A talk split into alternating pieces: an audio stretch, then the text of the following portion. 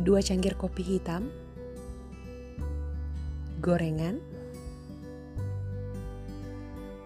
musik klasik, dan di balkon rumah. Tentunya ditemani bersama orang yang tersayang.